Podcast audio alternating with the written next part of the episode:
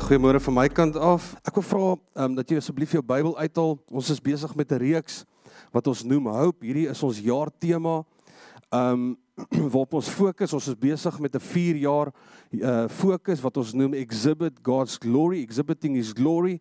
En dit gaan oor die heerlikheid van die Here wat ons tentoonstel en die Here het sy heerlikheid aan ons toe vertrou. Dis sy krag, sy heerlikheid of sy heerlikheid, sy krag, sy lig, sy teenwoordigheid, alles wat hy is is sy heerlikheid en hy vertrou ons met dit en die manier hoe ons dit uitdra na buite toe is op drie maniere en jy kan hier kyk op die banners aan jou linkerkant is faith, love and hope is geloof, liefde en hoop. Nou ons het in die afgelope 2 jaar bietjie gepraat oor oor geloof en liefde. Hierdie jaar is ons fokus hoop. Wat sê die Here vir ons oor hoop? Hoe lyk hoop? Nou as jy laasweek gemis het, moet jy daai preek gaan luister, is op Spotify beskikbaar want ons verduidelik die hele konteks en die uh, fondasie van hierdie reeks word daar bespreek en word daar gepreek. En um, maar net so 'n bietjie van 'n terugvoer is dat of 'n terugblik is dat ons het gesê en ontdek dat hoop, hoor mooi, is nie wishful thinking nie. Dis nie hierdie vaag optimisme ding wat jy voor hoop uh eendag kan gebeur nie. Jy weet, uh, jy weet dit is soos hoop maar net môre is 'n goeie dag. Ons hoop kan nie so lyk nie. As die Here praat van dat ons het hoop in sy koninkryk en as gelowiges moet ons hoopdraers wees. Die Here moet ons help dat ons nie so, op so 'n manier hoop nie. Daar's ander maniere. Ons moet in die woord gaan kyk wat sê die Here vir ons oor hoop. En ons sê dat hoop is nie hierdie kans ding nie. Dis nie hoop het, ek kan 'n kans kry of goed werk uit chance, jy weet, ek weet nie wat dit in die regte eh, translation dalk nou was vir of, uh, vir daai woord nie, maar uh, jy weet dit is net luck. Dis amper of hoe baie keer ons hoop deel maak van ons lewens en jy gebruik die hoop woord hoop baie meer in jou lewe elke dag van jou lewe meer as wat jy kan dink. Meer as wat jy kan dink. Maar die vraag is hier's 'n wêreld hier buite wat hoop nodig het. Ons gebruik die woord baie, maar as ons om ons kyk, sien ons mense wat hopeloos is. Ons sien actually sisteme in ons samelewing wat hopeloos is. Daar's iets nodig om te gebeur. En so sê ewen in die kerk wanneer ons praat oor die konsep hoop, wanneer jy hier sit en baie keer ek weet nie wanneer laas jy 'n preek gehoor het of 'n teaching oor hoop nie. Ons baie te sê oor geloof en en liefde, maar hoop is iets wat ons baie keer nie oor praat nie want ons weet nie regtig wat om te sê daaroor nie. Dit raak hierdie oppervlakkige ding van net ek hoop maar môre is 'n goeie dag of ek hoop maar dit gebeur. En dan wanneer dit kom by die kerk, is dit word ons baie keer die woord hoop koppel ons aan aan moeilike tye wat ons deurgaan. Gaan deur 'n challenge in jou lewe, ek hoop maar dat die Here sal vir my deurkom. Is hierdie vaag weg tipe van 'n optimisme, ek hoop maar net iets gebeur. Maar wanneer jy die skrif gaan lees en regtig God se hart hoor, gaan jy agterkom dat die woord hoop in die Bybel beteken heeltemal iets anders. Dis nie hierdie vaag weg dingetjie, hoop maar dit val in mekaar en en en die skrif wat ons actually die Here ons daartoe gelei het om hierdie vir ons te verduidelik is 1 Petrus 1 vers 13. Ek lees dit vir jou. Hy sê therefore gird up the loins of your mind and be sober. Hy sê eintlik jy moet nou mooi duidelik dink nou oor hierdie volgende ding.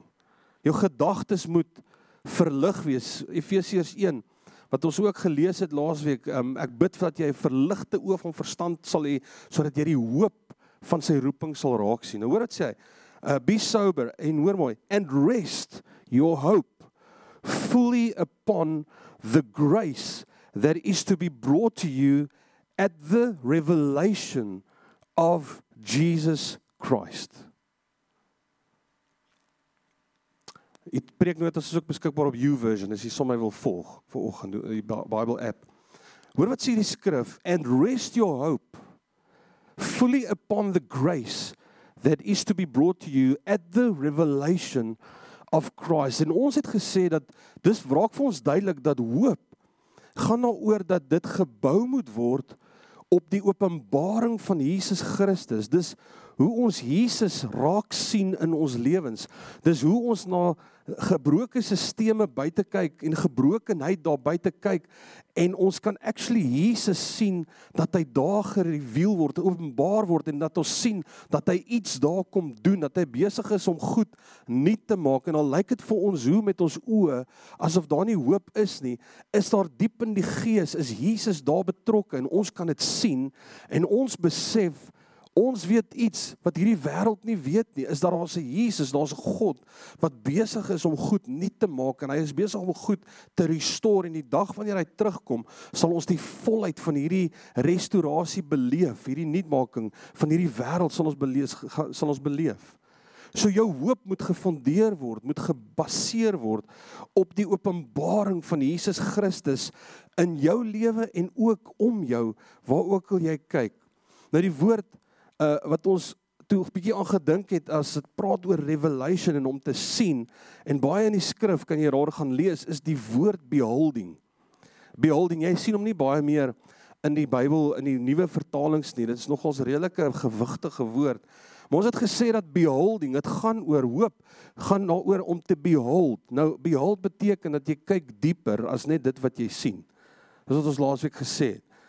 Ek het die voorbeeld gebruik toe ek vir Karen my vrou sien die eerste keer. Sy was baie mooi, maar ek het toe haar begin behold. ek het dieper gekyk, ek het verder gesien. Toe sien ek, "Jesus, hierdie vrou gaan ek trou." En ek gaan met haar kinders hê, saam met haar kinders hê en ons gaan 'n amazing lewe saam hê. So jy kyk dieper as net dit wat jy sien.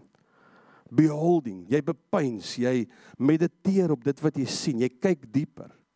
En dis wat die woord behold beteken, dianoia. En ons het gesê so belangrik wanneer ons praat oor uh Romeine wat praat van jy moet jou gedagtes vernuwe. Jy kan net jou gedagtes vernuwe wanneer jy iets nuut sien. So dit gaan oor hierdie hele konsep hoop gaan oor beholding en belyn om my lewe te belyn, my gedagtes te belyn met dit wat ek nou sien voor my. En wanneer jy Jesus sien, bring dit hoop in jou lewe en jy sien dat daar is actually Jesus is besig om goed te doen en ons sien dit in die Bybel. Jy weet as jy die Bybel, die eerste skrif in die Bybel, um of die eerste hoofstuk in die Bybel praat van die woord behold, God looked at everything that he had made and behold it was very good. Behold. Dis hierdie konsep wat God bring in ons lewens. Hy sê as jy kyk, as jy wil hoop verstaan, as jy wil hoop hê, moet jy bietjie dieper kyk as net dit wat jy nou raak sien. Behold. Alles wat ek gemaak het is goed en is mooi. En dan weet ons sonde en skuld en skaamte en al die goed word deel, die sondeval word deel van ons lewens. En dan besef ons hier ons in ons menslikheid, Here, waartoe gaan ons gaan? Hierdie wêreld is 'n gemors en alles. Maar dan as ons Openbaring lees, die heel laaste skrif in die Bybel, praat Johannes, hy sien Jesus op die troon sit en Jesus sê die volgende and he who sits on the throne said uh behold kyk bepeins mediteer kyk dieper. I am making everything new.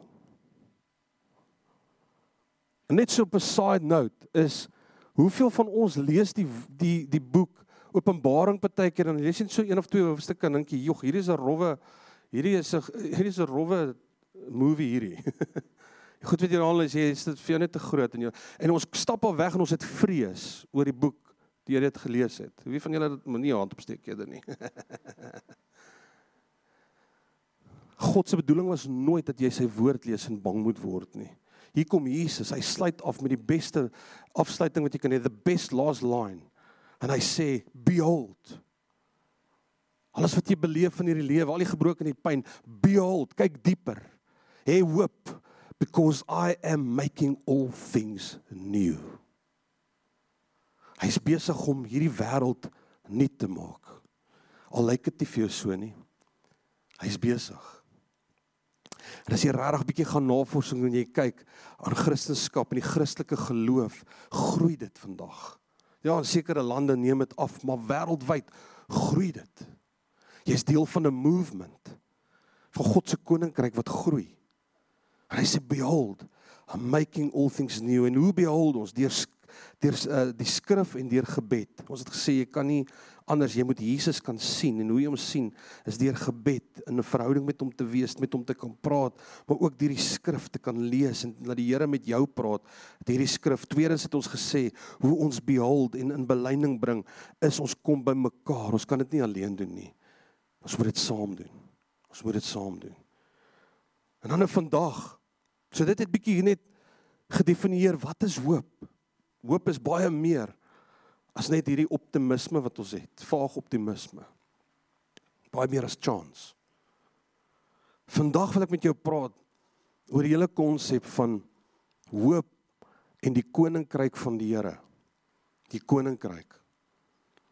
Want jy sien hoop moet ons verstaan wanneer ons praat oor hoop, gaan dit daaroor dat dit restaurasie bring die, uh, op in dit wat gebroken is. Restaurasie bring in wat gebroken is. Nou ek wil jou hierdie vraag vra vir oggend. Het jy al ooit gewonder wat was Jesus se doel op aarde? Wat het hy hier kom doen?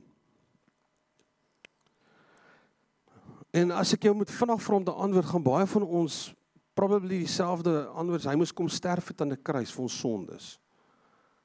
Ja, dit was een van die goed wat hy kom doen. Miskien ook net, wat dink jy was Jesus se doel op aarde? Dink 'n bietjie daaroor. God het hom gestuur. Wat het hy hier kom doen? Hy het ons kom red. Miskien antwoord jy, hy het ons kom wys wat liefde is. Hy is die seun van God. Hy het ons kom redeem, het ons weer kom deel maak van hom. Wat is jou antwoord? Wat het hy hier kom maak? Jy sien wat al hierdie goed wat ons antwoord is baie mooi. Maar in daai tyd as jy jouself in daai ouens se skoene sit van daai tyd, was dit nogals redelike interessante gebeurtenis want Hulle het hierdie hoop gehad dat Jesus hulle gaan kom verlos van hierdie verdrukking waaronder hulle geleef het. Die Romeinse ryk. En so vir jare, vir oor die 400 jaar is hierdie belofte, 'n Messias, 'n redder sal kom en ons kom red. Die gebrokenheid sal begin wegkwyn as gevolg van hierdie Messias. En hier kom Jesus En hy sê ek is die seun van God. Ek is die Messias. En hulle prentjie van 'n Messias was heeltemal iets anders. Jesus kom en hy is so radikaal in wat hy doen.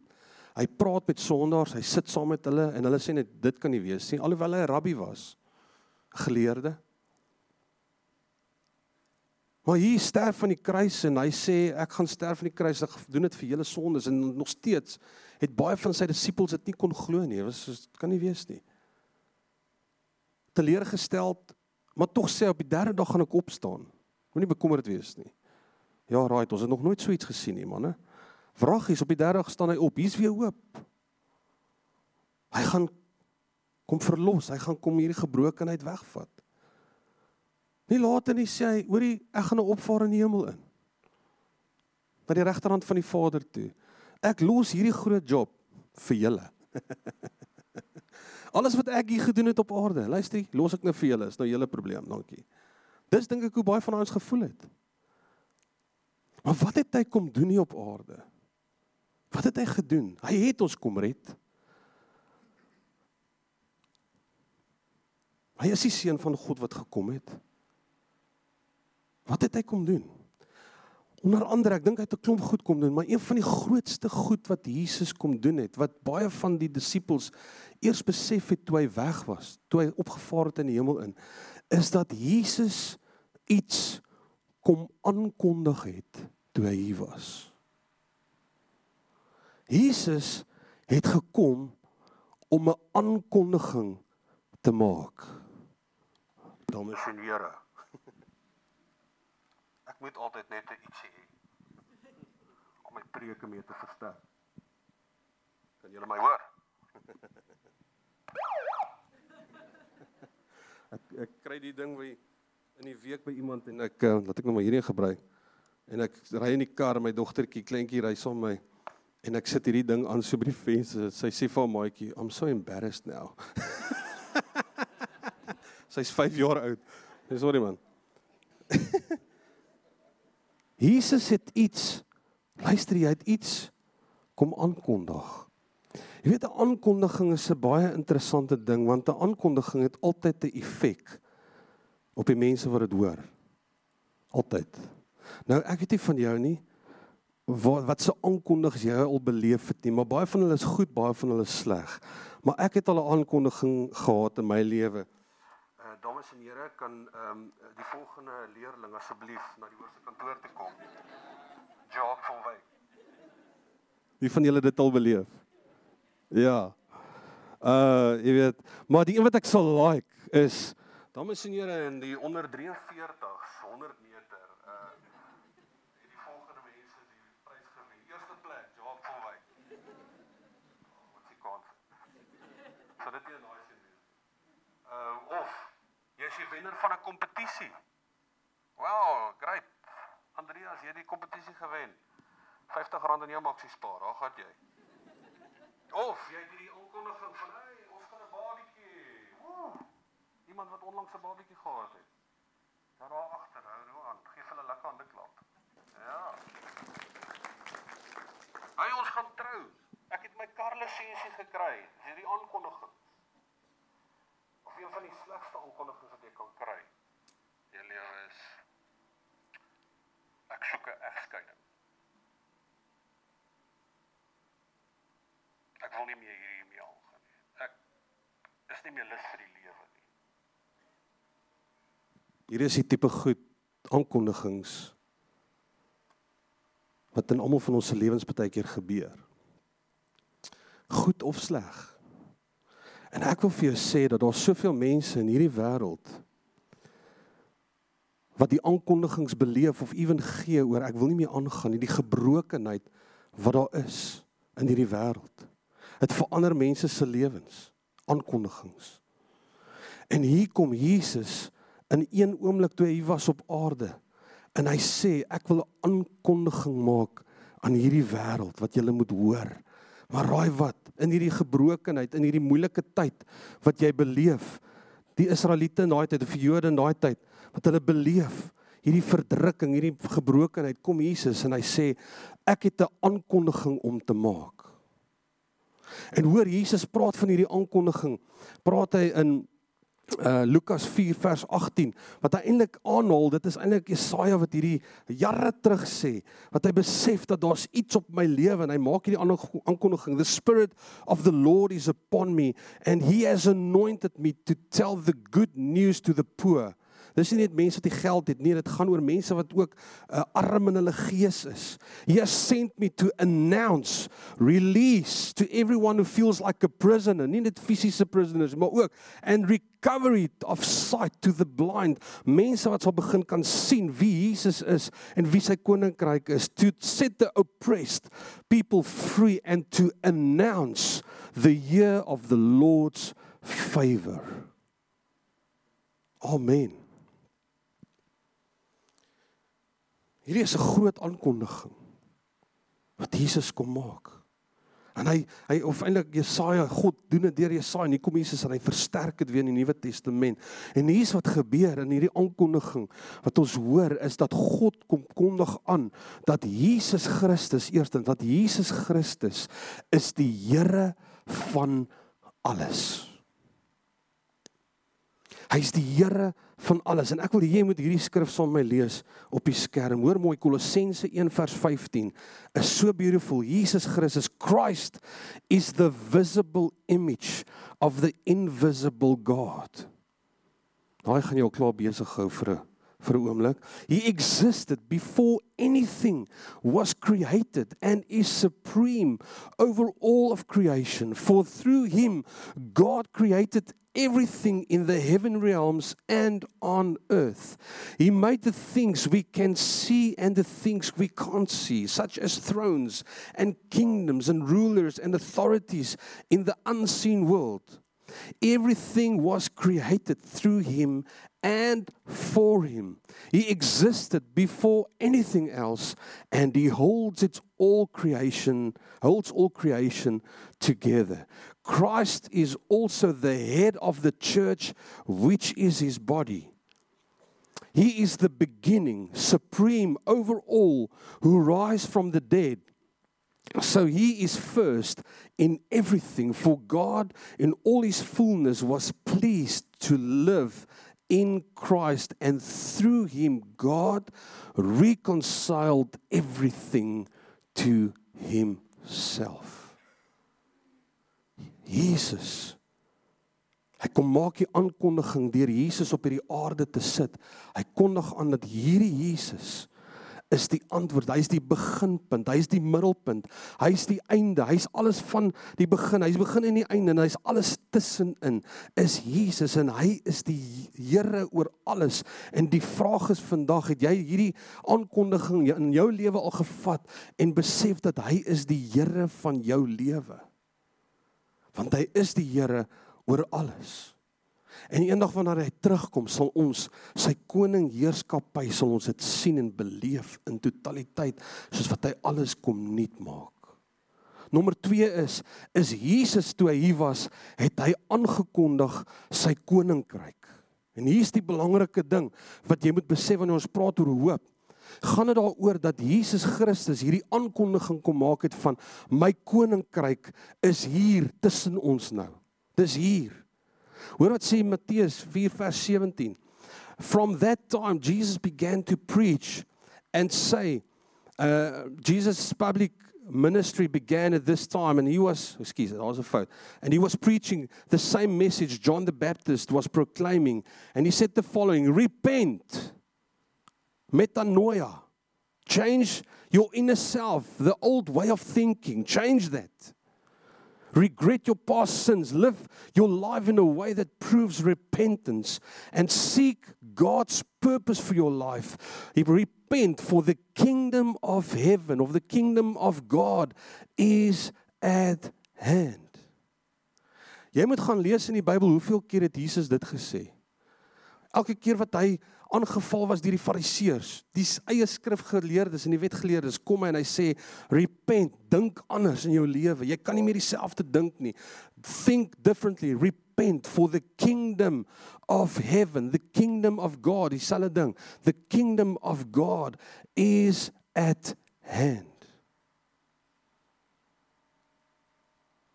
Jesus was God se megafoon op aarde om aan te kondig van sy koninkryk. Nou ek wil gou vir jou hierdie sê, koninkryk mag dalk vir jou 'n bietjie vreemd voel. Ons is nie meer gewoond aan sulke goed nie. Koninkryk. Maar as jy 'n goeie middeleeuse movie gaan kyk, gaan jy 'n idee kry. Wie van julle love middeleeuse movies? Braveheart en al daai goed. Nee, is lekker. Is lekker. Ek like dit. Die verskil is dat God se koninkryk is nie 'n plek nie, is nie 'n fisiese plek nie. Dis oralste waar sy heerskappy, sy his reign and his rule waar dit seëvier en waar dit toegelaat word, dis sy koninkryk. Oral waar dit plek gegee word. The kingdom is his reign and his rule. Dis sy konings heerskappy. Lukas 17 vers 20 sê the kingdom of God is not coming in ways that can be observed. Jy sien nie hier is nou 'n gebou of so nie. Dis nie sy koninkryk. Hy sê nor will they say look here it is or there for behold the kingdom of God is in the midst of you. So dis waar jy toelating gee vir sy koninkryk om heerskappy uit te voer. Daar is sy heerskappy. Daar is God se heerskappy, sy koninkryk gevestig. So dis 'n paar goed wat jy moet verstaan.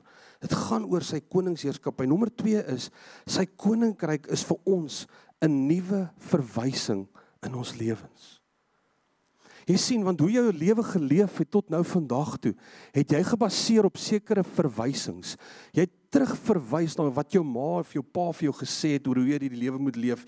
Jy terugverwys as jy besluit te maak in jou lewe, verwys jy terug na wat jy dalk geleer het by die skool en al die goeters, goed wat jy uh, jou gedagtes kom vorm het in jou lewe. Jy verwys terug as jou reference. Maar vir baie mense hier buite in hierdie lewe en dalk vir jou vanoggend hier was daai verwysing nie noodwendig die beste verwysing vir jou toekoms nie. En hier kom Jesus en hy besef as jy net op jou eie intellek en jou eie manier, jou eie verwysing gaan volg, sal jy gebrokenheid en pyn beleef. En hier kom Jesus, hy stuur sy seun en hy sê, "Gaan kondig my koninkryk aan, gaan kondig 'n nuwe verwysing aan waar volgens mense kan leef." Want as hulle dit doen, sal alle pyn weggaan. Pyn sal genees word. As hulle dit doen, sal gebrokenheid geheel word.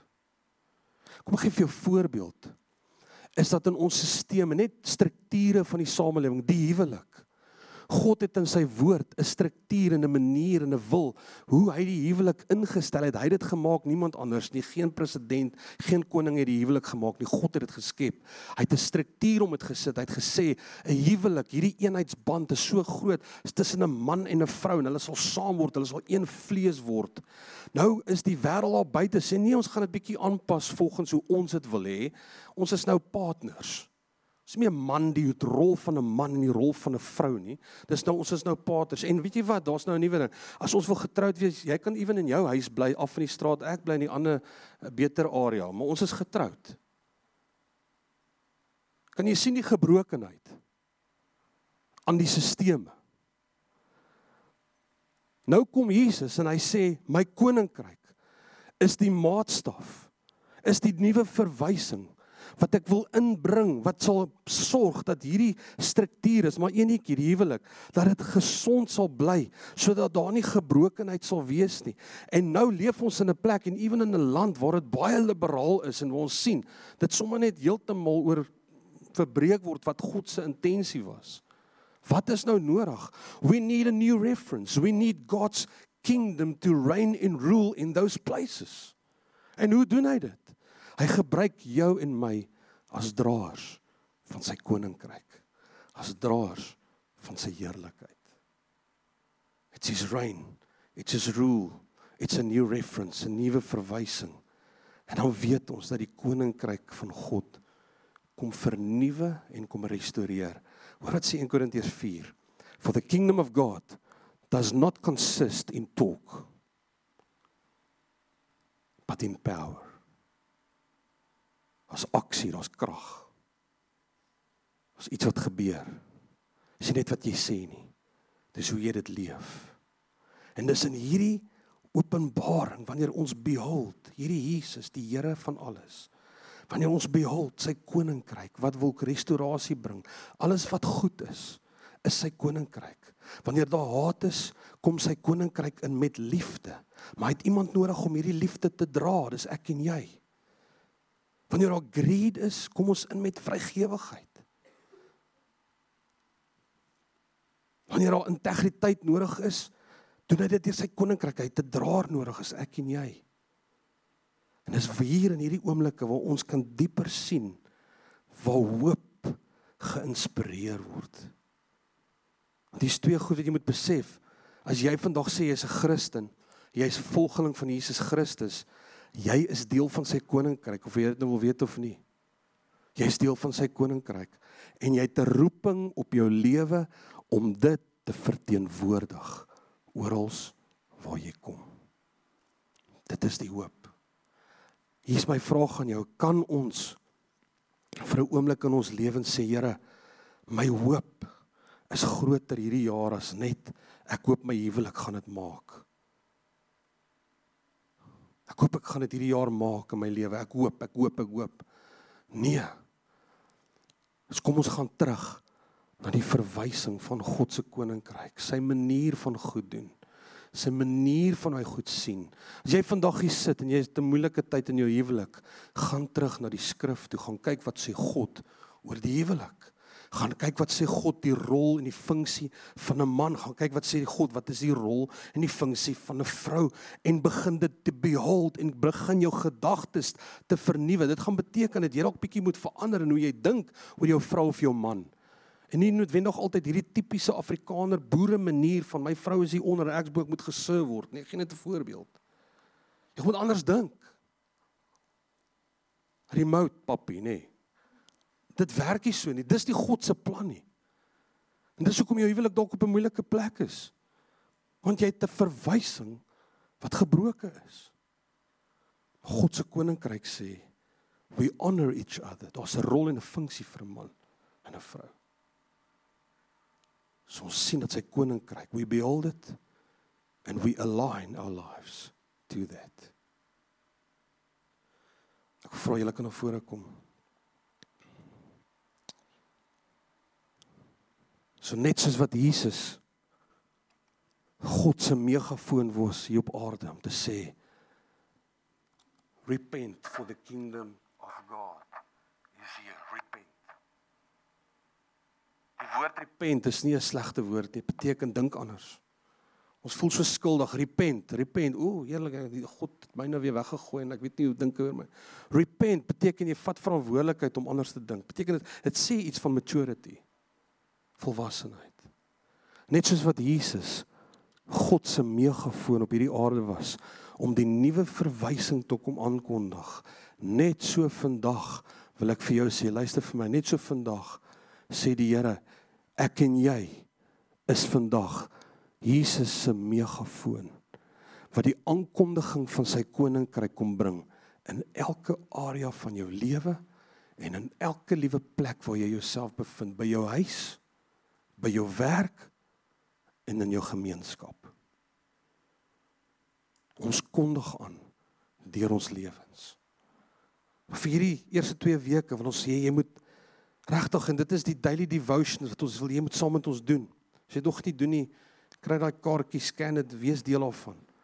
Die groepsbesprekings waar ons in die weke bymekaar is. Dis in daai oomblikke wat ons wil sê, Here, maar help ons om te kan aanskou, to behold wie U is. Wie U is. Wie het jou oosluit vir 'n oomblik? Ek beleef so sterk dat die Here vir oggend vir mense wil kom en op 'n goeie manier jou kom convict. Jou wil kom oortuig vir oggend. Jy wil nie condemn nie, hy wil jou convict, hy wil jou oprig en vir jou sê, soos of die Here vir oggend jou jou gesig so vat, soos jy jou kind se gesig of jou vrou sal vat en sê hoor jy ek's lief vir jou. Jy weet daai jy sit jou hande so om haar wang en jy vat en jy sê ek die Here wil vanoggend vir jou sê, "Hey, luister gou mooi. Daar's meer tot hierdie lewe. Daar's daar's daar's daar's genesing, daar's restaurasie vir jou wat ook al jy mag deurgaan in jou huis.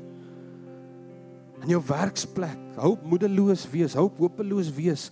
So vir Here so jou kop opdruk en sê luister hier, kyk net in my oë vas want ek is jou hoop. I am the certain hope in your life. 'n Versekerde hoop is ek in jou lewe. Behold me. Kom op 'n plek in jou lewe wat jy begin 'n lewe van dissipline handhaaf en my deel maak daarvan elke dag van jou lewe. Dat jy net met my sal praat. Vir jou stilte tyd so waar in die kar ry, Here, Ek wil dit deel maak van elke dag van my lewe. Die Here kom ver oggend en hy lig jou kop op en hy sê: "Daar's meer."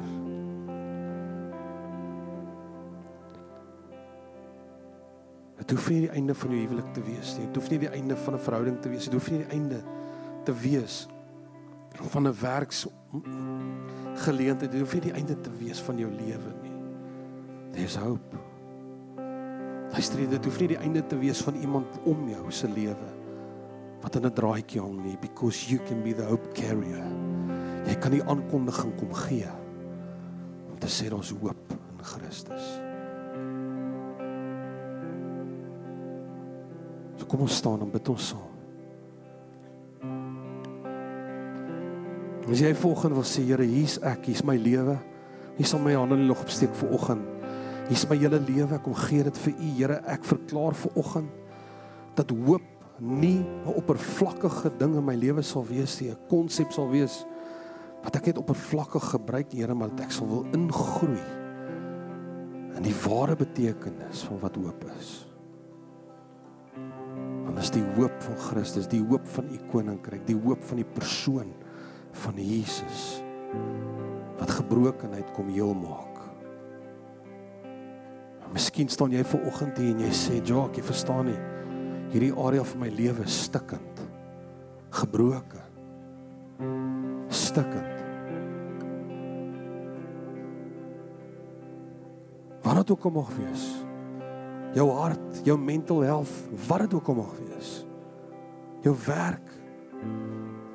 Gebrokenheid. Ek wil volgens vir jou sê. Ons dien 'n God wat 2000 jaar terug het 'n megafoon gestuur het in die in die vorm van 'n persoon Jesus Christus om hoop te kom aankondig. En hy sê volgens vir jou, vat dit. Maak dit deel van jou lewe. Behold. Kyk dieper. As dit wat jy sien. Want jy sien die berg, jy sien die gebrokenheid, jy sien die stukke. Maar ek het reeds Kolossense 1, I've reconciled all things unto Christ. Ons in die gees reeds heelheid vir die dinge wat jy beleef wat gebroken is.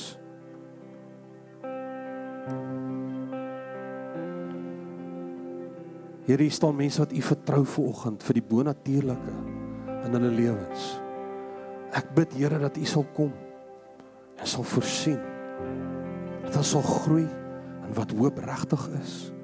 Sal vas staan op hierdie hoop wat u woord sê soos 'n anker wat ons het in ons lewens. Dankie vir u genesing. Dankie vir u restaurasie in ons lewens, herstel. In hierdie wêreld en hierdie stad. We want to behold you. Thank you Jesus. Thank you Lord.